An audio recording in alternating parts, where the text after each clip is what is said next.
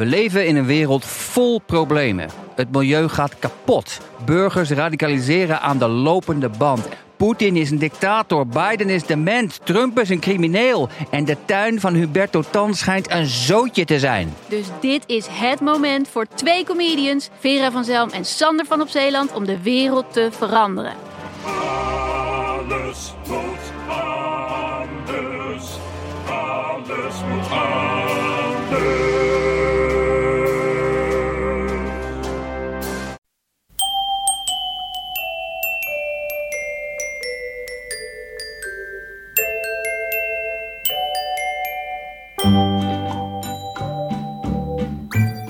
Welkom bij aflevering 299 van Echt Gebeurd. De podcast waarin mensen hun eigen waargebeurde verhalen vertellen. In deze aflevering een verhaal dat Janine Watts vertelde in januari vorig jaar. Dat was in de Leidse Schouwburg tijdens een Echt Gebeurd avond rond het thema Onderweg.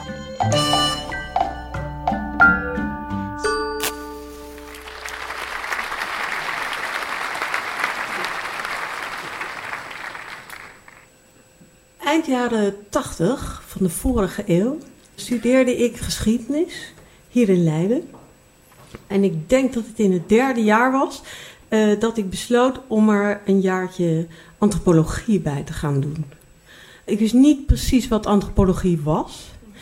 Maar onderdeel van het programma was dat je een stage kon lopen en dat leek me nou weer eens heel wat anders. Ik kwam terecht bij uh, het kantoor van een internationale hulporganisatie in Amsterdam op de afdeling interculturele educatie. En dat was een afdeling uh, die probeerde aan donateurs uit te leggen wat ontwikkelingssamenwerking nou echt betekende. En omdat ik dat zelf ook niet beter wist dan de gemiddelde donateur, zat ik daar precies op mijn goede plek. En ik herinner me dat ik op een ochtend het kantoor binnenkwam. En toen uh, heerste er een enorme opwinding, want Richard was in the house. En Richard bleek de Nederlandse velddirecteur te zijn uh, gestationeerd in het West-Afrikaanse land Burkina Faso. En als ik de verhalen van de vrouwen van mijn afdeling mocht geloven, genoot Richard een heldenstatus binnen de organisatie geen gebied zo duister, onherbergzaam, corrupt of onveilig. Of Richard had er gezeten. Uh, Richard zelf was uh, lang, slank en behalve uh, doortastend ook enorm joviaal. Want toen hij hoorde dat ik stage liep, nodigde hij mij onmiddellijk uit om op bezoek te komen op het veldkantoor in Burkina Faso. Want als ik echt wilde leren begrijpen hoe ontwikkelingssamenwerking in zijn werk ging, waar dan beter dan in het veld. Uh, die uitnodiging overviel me een beetje, want tot nu toe gingen mijn reizen naar Friesland, uh, Zuid-Frankrijk, uh, Noord-Italië en één keer per jaar naar de Zwitserse Alpen. Dus uh, ik was niet echt bereisd. Maar aan de andere kant, het hoofd van de afdeling was wild enthousiast. Die zei: Dit is echt een buitenkans. Uh, de andere vrouwen op de afdeling trokken groen weg van jaloezie. En ik dacht: uh, als ik die reis nou maak, dan haal ik misschien wel een enorm hoog cijfer voor mijn stageverslag. Dus, minder dan drie weken later, zat ik in het vliegtuig naar Burkina Faso. Uh, voorzien van een enorme cocktail aan intentingen tegen allemaal hele enge ziektes. En ik wist ook niet helemaal precies wat ik kon verwachten. Maar ja, ik ging op bezoek uh, bij Richard, de man van staal, dus mij kon niks gebeuren. En uh, ik had net de film Out of Africa gezien. een heel romantische film met Meryl Streep. Die zich afspeelde in Kenia. En uh, waarin heel veel olifanten, leeuwen en giraffen voorkwamen. En zo stelde ik me Afrika wel een beetje voor. Vijf uur later landde ik in Burkina Faso en werd verwelkomd door een enorm regiment militaire politie met spiegelzonnebrillen en volautomatische wapens. Richard, die me zou komen ophalen van het vliegveld, was er niet. Uh, die arriveerde ruim een uur later in een grote hagelwitte Alfa Romeo, vergezeld door een vriend, van ik later begreep eh, dat het de persoonlijke lijfwacht was van de zittende president. Wat de reden was voor zijn vertraging, eh, vertelde Richard eigenlijk niet, maar dat punctuele was misschien ook wel heel erg Europees gedacht van mij, dus eh, dat liet ik maar even een beetje zo. Het was tegen de avond, dus uh, we besloten om eerst even wat te eten. En vlak voor we naar binnen gingen, haalde de lijfwacht een enorm pistool uit het handschoenenkastje en legde dat pontificaal op tafel. Um, en ik weet niet of er verband is, maar we hebben niet afgerekend. en daarna bracht de lijfwacht ons uh, uh, naar het huis Annex Veldkantoor. En dat lag in een ommuurde compound. Uh, en binnen was het snikheet. Uh, begin maart is uh, het hoogtepunt van de droge tijd in Burkina Faso. En de temperatuur loopt dan overdag op naar boven de 42 graden, wel zoiets. En omdat er geen airco was, had die warmte inmiddels bezit genomen van het hele huis. Richard had daar wat op gevonden. Hij had een enorm bed gebouwd in de tuin waar hij zelf sliep. En, zei hij, als ik het binnen te warm had, kon ik daar gerust naast hem komen liggen.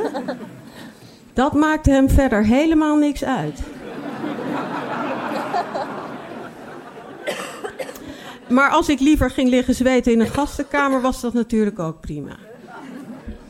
Overdag uh, liet Richard me zien wat ontwikkelingswerk echt inhield. Niet dat hij een programma voor me had bedacht. Maar het kwam erop neer dat we per dag zo twee projecten bezochten. En die lagen op een enorme afstand van uh, Ouagadougou over het algemeen. Uh, en dat betekende dat we per dag urenlang uh, door de snikhitte onder de, in de brandende zon over de steppen reisden van het ene naar de andere locatie. En dat was best uitputtend. Ehm, en af en toe gooiden we een fles water over ons hoofd om te zorgen dat we niet oververhit raakten. En die was dan altijd wel vrij snel weer verdampt. Anders dan in de film uh, waren was er geen groot wild. Dat was in deze tijd van het jaar weggetrokken naar andere streken. Uh, het landschap was leeg. Uh, met hier en daar wat geiten en een kudde koeien. En een verontrustende hoeveelheid gieren.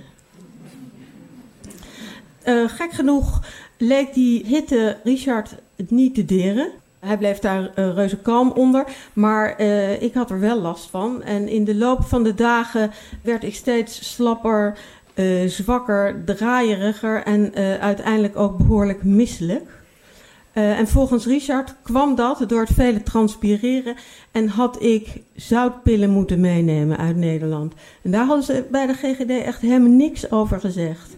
Maar, zei hij, geen probleem, als we hier ergens een apotheek tegenkomen, dan hebben ze daar misschien wel zoutpillen. En anders was het een kwestie van zout eten en wachten tot het overging. En buiten komen slapen. Hij begreep niet waarom ik daar nou zo burgerlijk over deed. Had ik soms een vriend? Uh, nou, ik had in die tijd helemaal geen vriend, maar onder de gegeven omstandigheden leek het me ontzettend verstandig om er ter plekke een te verzinnen. Omdat ik zo ontzettend uh, sloom en slap was, en dus niet echt gezellig gezelschap, begon Richard zich in toenemende mate aan mij te ergeren. En dat loste hij op. Ik was echt een beetje overtollig. En dat loste hij op door te doen alsof ik er niet was. Hij praatte eigenlijk niet meer tegen me. Hij vroeg niks, hij vertelde niks. En als we op zo'n locatie waren om te kijken naar een waterput of een landbouwproject, betrok hij me er helemaal niet bij. En dan, dan hing ik er een beetje bij als een soort exotische bezienswaardigheid. Met zo'n hele sliert kinderen achter me aan die allemaal aan je wilden zitten. En ik was onderwijl behoorlijk draaierig. En wat ik deed was, ik deelde dan de, uh, de ballonnen uit die ik had op advies van de organisatie had meegenomen aan al die kinderen daarbij begon het me wel langzaam op te vallen dat op sommige locaties één of soms twee kinderen liepen met een uh, significant blankere huidskleur dan de rest. En als mijn zoutniveau op peil was geweest, had ik het wel uit mijn hoofd gelaten. Maar toen we weer in de auto over de steppen raceten, vroeg ik aan hem of dat soms zijn kinderen waren. Daar moest hij heel hard om lachen, maar binnen de kortste keren liet hij me eindeloos wachten in een loesje café in the middle of nowhere. Zo'n café uh, waar mannen heel andere associaties hebben bij een vrouw alleen die achter een cola zoekend om zich heen zit te kijken. Uh, en toen begon ook tot me door te dringen wat hij bedoelde toen hij in Amsterdam had gezegd dat ik de reis natuurlijk uiteindelijk wel op eigen risico uh, maakte. Het was extreem onveilig en ik was eigenlijk gewoon heel erg bang. Toen hij uiteindelijk terugkwam, uh, was ik te opgelucht om uh, verontwaardigd te doen. En ik denk ook niet dat hij me uiteindelijk uh, van plan was om me daarachter te laten, maar zeker is dat hij wel bereid was om het risico te nemen. Eén uh, keer terug in de auto bleek hij toch ook nog niet helemaal klaar met me. Want zei hij: Als ik wil, maak ik je zo zwanger natuurlijk, hè? dat begrijp je. Je hebt nou gezien hoe viriel ik ben. Vanaf die avond heb ik in de gastenkamer met mijn kleren aangeslapen. Alsof het iets had uitgemaakt. Uh, maar het voelde op de een of andere manier toch als een bescherming. En vanaf dat moment wilde ik eigenlijk wel heel erg graag naar huis. Uh, Richard vond het met mij ook uh, helemaal niet meer zo leuk. En hij wilde eigenlijk wel uh, van me af. En uh, die uh, kans kwam eigenlijk vrij snel. Uh, want toen we een van de projecten aan het bezoeken waren, was er één stamhoofd dat op een bepaalde manier allemaal geiten, koeien, konijnen en een paar kippen bij elkaar begon te verzamelen. En eer, eerst had ik het niet zo heel erg door. Maar al die dieren bleken onderdeel van een financiële transactie met mij als inzet. En toen raakte ik in paniek. Ik keek naar Richard en dacht, uh, hij moet nu iets doen. Want ik was ook bang om die man te beledigen. Want uh, echt alle sociale instrumenten waarmee ik me normaal gesproken overeind houd in de wereld, schoten hier tekort. Uh, maar Richard sloeg zijn armen over elkaar, deed een stap achteruit en ging vanuit een afstand kijken hoe ik me hier nou toch uit zou redden. Of ik me hier uit zou redden. Maar dat redden ging eigenlijk wel vrij gemakkelijk. Uh, opvallend eigenlijk. Uh, want wat ik voorstelde was dat deze man alle dieren bij elkaar zou halen en zou afreizen naar het huis van mijn vader.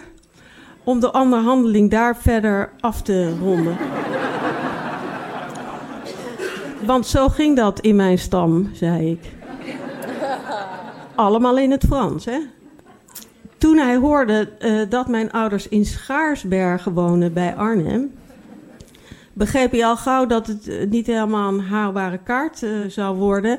En zag hij af van een huwelijk. Anders dan Richard was hij helemaal niet rancuneus, want hij pakte twee zwarte konijnen in een doos en gaf die mee met de complimenten aan mijn vader. Uh, wat natuurlijk heel aardig was. Uh, maar toen we terug waren in uh, Ouagadougou, waren allebei die konijnen gestikt van de hitte. Ik zelf kon tegen die tijd ook bijna niet meer ademhalen. En de hele uh, stage interesseerde me echt helemaal niks meer. Ik, ik hoefde er niks meer van te weten. Ik dacht er ook eigenlijk niet over na. Ik was slap, ik was beroerd, ik was uitgeput. Uh, verdomd eenzaam, kan ik vertellen. En ik wilde ontzettend graag naar huis. Uh, Richard had het tegen die tijd ook helemaal met me gehad. Vooral denk ik omdat ik me toch wel behoorlijk elegant uit die uh, verkooptransactie had gered. hij had me niet in bed gekregen. Hij had me niet kunnen verkopen. En nou was hij het zat. Sterker nog, hij verdween. De volgende ochtend vond ik op de keukentafel een briefje waarop stond: Ik ben naar New York, succes ermee. Ik was alleen in huis. Richard was weg. Hij had de sleutels uh, meegenomen. Hij had de auto meegenomen. De ijskast was leeg. Ik had ondertekend dat ik daar niet alleen zou reizen. En hij had de elektriciteit afgesloten. eh, waardoor ik ook niet naar Nederland kon bellen. En toen heb ik een rugzak gepakt, alles erin gedaan en ben door de compound gaan lopen. Net zo lang totdat ik een paar expats zag die er min of meer betrouwbaar uitzagen. Die mensen hebben mij toen opgevangen en drie dagen later op het vliegtuig naar Nederland gezet. En uh, toen het vliegtuig opsteeg, uh, was ik ongelooflijk blij om out of Africa te zijn. Uh, nee, nee, nee, het is helemaal nog niet klaar. want op het hoofdkantoor wilde iedereen natuurlijk weten hoe het nou was geweest. Maar dat kon ik natuurlijk niet vertellen. Want wie ging mij geloven? Het was zijn woord tegen het mijne. En als ik eerlijk ben, schaamde ik me ook kapot hoe ik toch zo naïef die reis had kunnen starten. Uh, dus ik zei niks. Ik zei dat het uh, heel interessant was geweest. Richard heb ik nooit meer gezien. Uh, jaren later las ik in de krant dat hij was gevlucht naar Midden-Amerika. Omdat hij in Nederland werd gezocht voor verduistering van fondsen om zijn gokverslaving te financieren. Inmiddels werkt hij daar overigens uh, weer bij een hulporganisatie. Die, uh, ironisch genoeg, smartphones uitdeelt aan vrouwen. ter vergroting van hun autonomie. En dat vind ik dus echt een topproject. Want met deze man in de buurt kan je je mobiele telefoon maar beter continu bij de hand hebben. Ik had trouwens een 10 voor mijn stageverslag.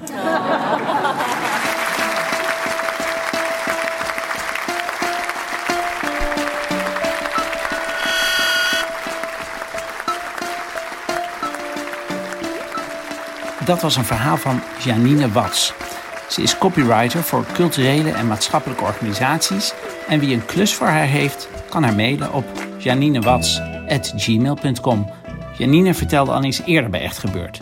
Dat hilarische verhaal is te beluisteren in aflevering 201 van deze podcast.